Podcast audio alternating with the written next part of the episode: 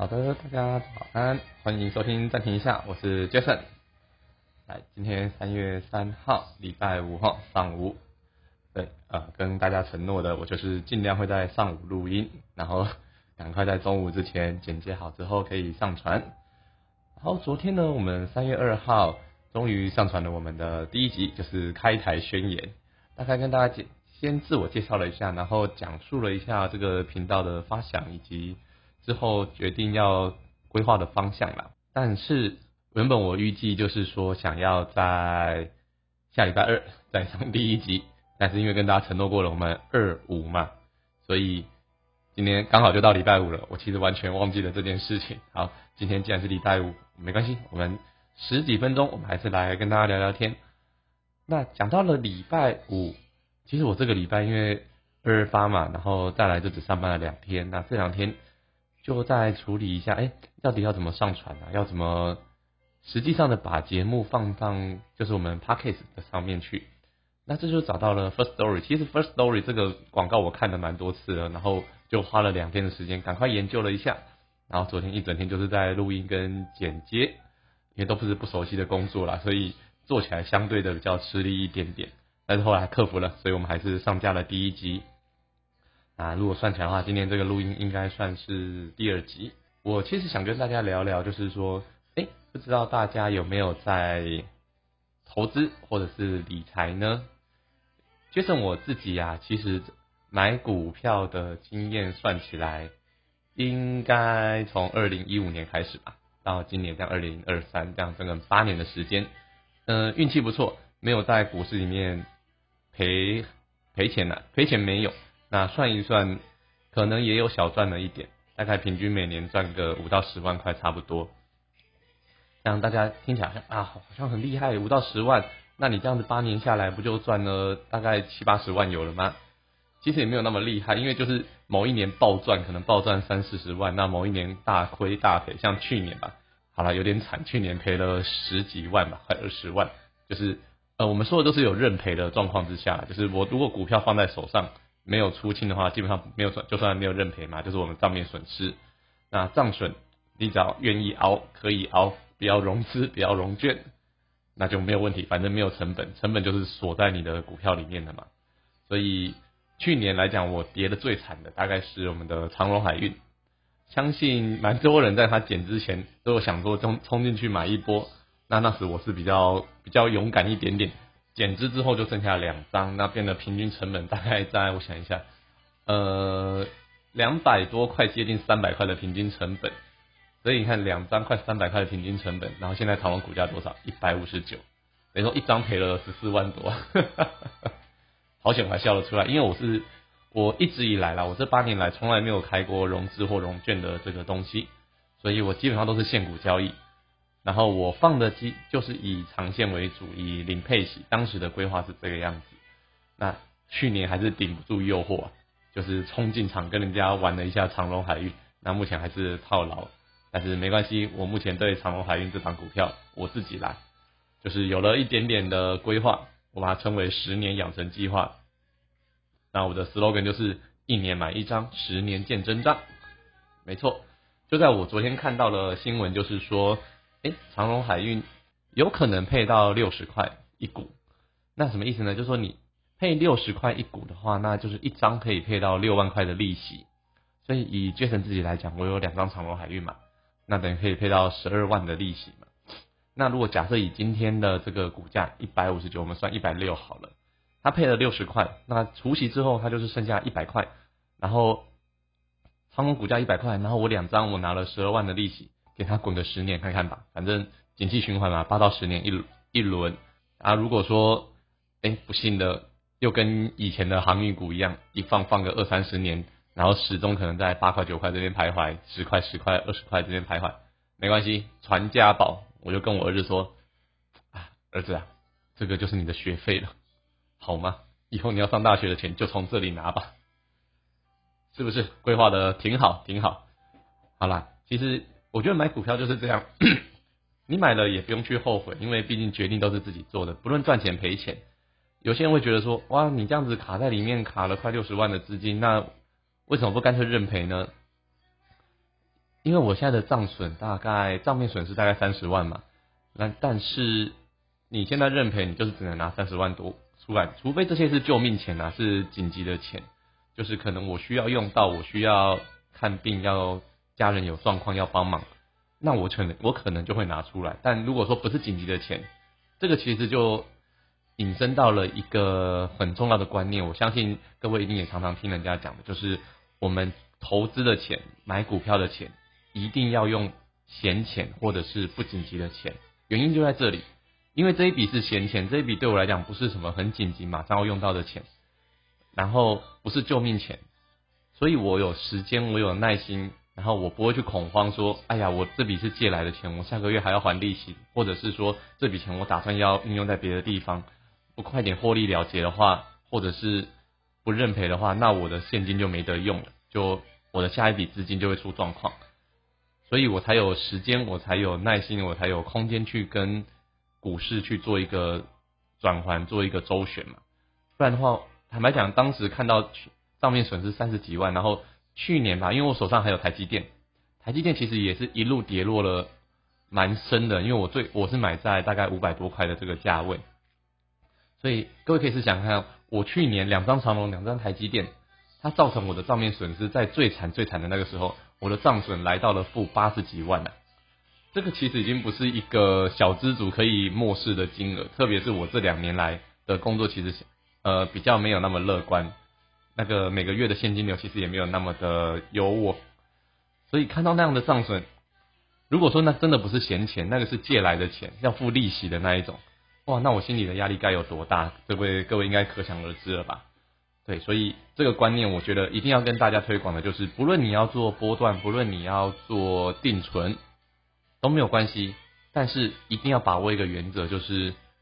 要用闲钱。好了，不小心讲了投资，讲了理财，讲了这么久，那我们今天礼拜五呢？其实我今天没有特别准备新闻啦，因为前两天太忙了，没有没有空去整理新闻。说穿，其实自己也是懒惰啦，真的空闲时间还是有。各位可以听一下我现在背景的一首歌，我现在放大声一点点。这一首歌呢，我想有听过的人应该就不陌生，它是我们韩剧，呃，好几年前有一部韩剧叫做《山茶花开时》，然后里面的主演是我们的孔孝真，韩国的影后级的国民影后，她主演的其实韩剧基本上就是。会是大热门，收视会非常的好。我个人也很喜欢这个演员。那这首歌呢，想听的人你可以去搜寻一下，叫做《Good to Be with You》，然后是我们《山茶花开始》里面的一首主题曲。啊，它不是它的开头，不是片头曲啦。那我也忘记它是插在什么地方了。但是这首歌我一直很有印象，我也很喜欢，所以我就想说把它当成是我们今天的背景音乐来放。如果这样会有一点点版权的问题的话，那再请各位在留言的地方跟我做一点提醒，好不好？我再去做一点处置，再去做一点后置，把背景音的部分看看能不能把它拿拿掉这样子。那讲到山茶花开始，那个其实是我呃在继卫生之后看的第一部韩剧，因为卫生其实是更早嘛，我记得我看的时候二二零一五还是二零一六年，当时是刚入职场，所以。哎，对这种职场剧非常的有兴趣，然后也觉得很励志，会觉得说，对我只要努力，我只要转换一个念头，转换一个做法，我也可以在职场上，哎，好像做出一点成绩也好啊，或者是做出一点自己的领域这样子。当然后来没有那么顺利了，而后就是到我结婚，然后遇到了疫情，然后小朋友出生，我在家的时间很长，我照顾小朋友嘛。当时我太太就推荐我说，啊，不然你就把这一部看一看好了。哎，刚好他其实就。蛮对我的胃口的，除了说他的演员真的是很厉害，因为孔孝真一直也是我很喜欢的一位演员，但是我是到看了这一部片，我才知道他叫孔孝真，因为我以前只觉得这个人的片，这个人的样子我看过好几次，然后我也觉得她很漂亮，她很有气质，然后看了这一部片之后，我不得不说他的整体的编排也好，他整体的编剧，然后掌握的流程都好，当然不是说到最完美、最顶尖。但是我觉得韩剧最厉害就是他在气氛的沉淀，他在气氛的堆叠。到了最后一集的时候，我们孔孝真饰演的这个那个餐酒馆的老板娘，那个名字叫做东博，就是翻译起来叫东博。就是我们的女主角东博扑倒在我们的男主角的怀里的时候，以前看的时候，我觉得哇，这个是一个很揪心的一幕。首先看了我们可爱的孔孝真哭，心里也觉得酸酸的，然后再来，你又会觉得说哇，他们两个终于是抛下了心中的那一股防备吧。真正的意义上的说，两个人在心灵上做到了互相扶持，然后做到了互相结合吧，总是有了一个好的结果。这样子，我觉得那是那时候看心里的一个感触了，然后也被那样的气氛渲染了。然后我最近因为二二八年假有一点点时间的关系，但是又没有很长的时间到可以把一整部剧完全追完，因为我这个人也不太喜欢就是从中间或者是一集一集这样等，所以我就想说啊，那我回去看一看，让我。很喜欢的那些片段，所以我就直接去看《山茶花开始》最后一集的大概中间开始了，就是在医院的这一个桥段，我又重新回味了一下。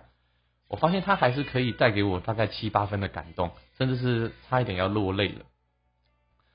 但是这一次看的时候，心中更不一样的感觉是，我觉得我能够感同身受的一点是，因为我们的女主角东博，她的一个设定就是说，她从小因为被妈妈弃养嘛，她后来进了孤儿院，但她是一个很听话、很听话的小女孩。然后一直到了她长大以后，上了大学，也交了一个男朋友。然后她还是做一个很听话的贤内助，可能她的未来就是一个就是当贤内助的角色，就是把小朋友照顾长大，然后照顾先生。但是殊不知，她的先生是一个韩国的职棒明星，出了名之后，觉得东博的身世不好。觉得东博配不上她了，找到一个更漂亮、更年轻的网红的女朋友，就抛弃了我们的女主角。而被抛弃的女主角当时也没有跟男生说她怀孕了，就带着小朋友一个人到了我们的那个应该应该叫做户山还是义山，我其实忘记了，就是这个地方，它的名产是酱蟹，然后就在那边重新开始生活，决定把自己把小朋友抚养长大。这个中间其实你会看到的是一种呃。内心的挣扎吧，因为他一辈子就是这样子选择当一个善良的人，然后选择当一个默默承受的人，心中其实有很多的委屈，有很多的心酸，有很多的告解。但是他最后、最后、最后在医院的那一场戏，我最近看感受到的是，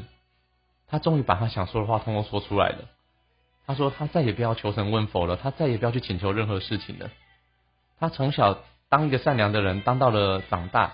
他从来没有对别人恶言相向，他从来没有去选择当过一个坏人，然后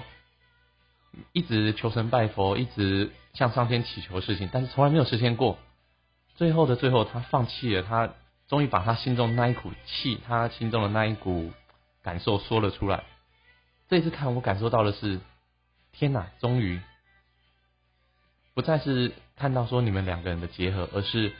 他终于把他想说的说出来了，而这也是我觉得现代人蛮不容易做到的一件事情，因为我觉得在现代人里面，你会觉得说，哎，好像会多想的那一下下，那往往就是多想那一下下，去造成了我们跟别人在沟通上的一些隔阂。有时候觉得，哎，我不想造成对方心里的压力啊，不想造成对方的负担啊，好像我把垃圾这样子丢到别人身上，好像不太好。然后就有时候别人觉得说，哎，你就讲出来有什么关系？就好像我也常常会觉得这样子，但是我的朋友可能就会觉得说啊，不好啦，这样子对你造成压力，或者是造成你的负担，往往就是这样子的疑虑，让我们彼此之间的沟通出了问题。所以，如果各位你们身边有一位就是愿意听你们讲话，然后无条件的包容你、接纳你的所有的意见啊、所有的情绪、所有的委屈的人，有这样的朋友，我先恭喜各位。也希望各位一定要珍惜这样的朋友，无论这个朋友是不是你的伴侣，还是说你们认识了很多年，甚至是说你们其实最近才刚刚认识，都没有关系，因为有这样的一个朋友，真的是我觉得人生一生当中最难能可贵的事情，好不好？那我们今天录音到这边十八分钟，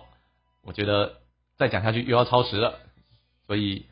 好了，我就放过大家，我们今天的录音就到这里。那最后再推荐一下《山茶花开始》，如果各位有空的话。不妨去回味一下，好吗？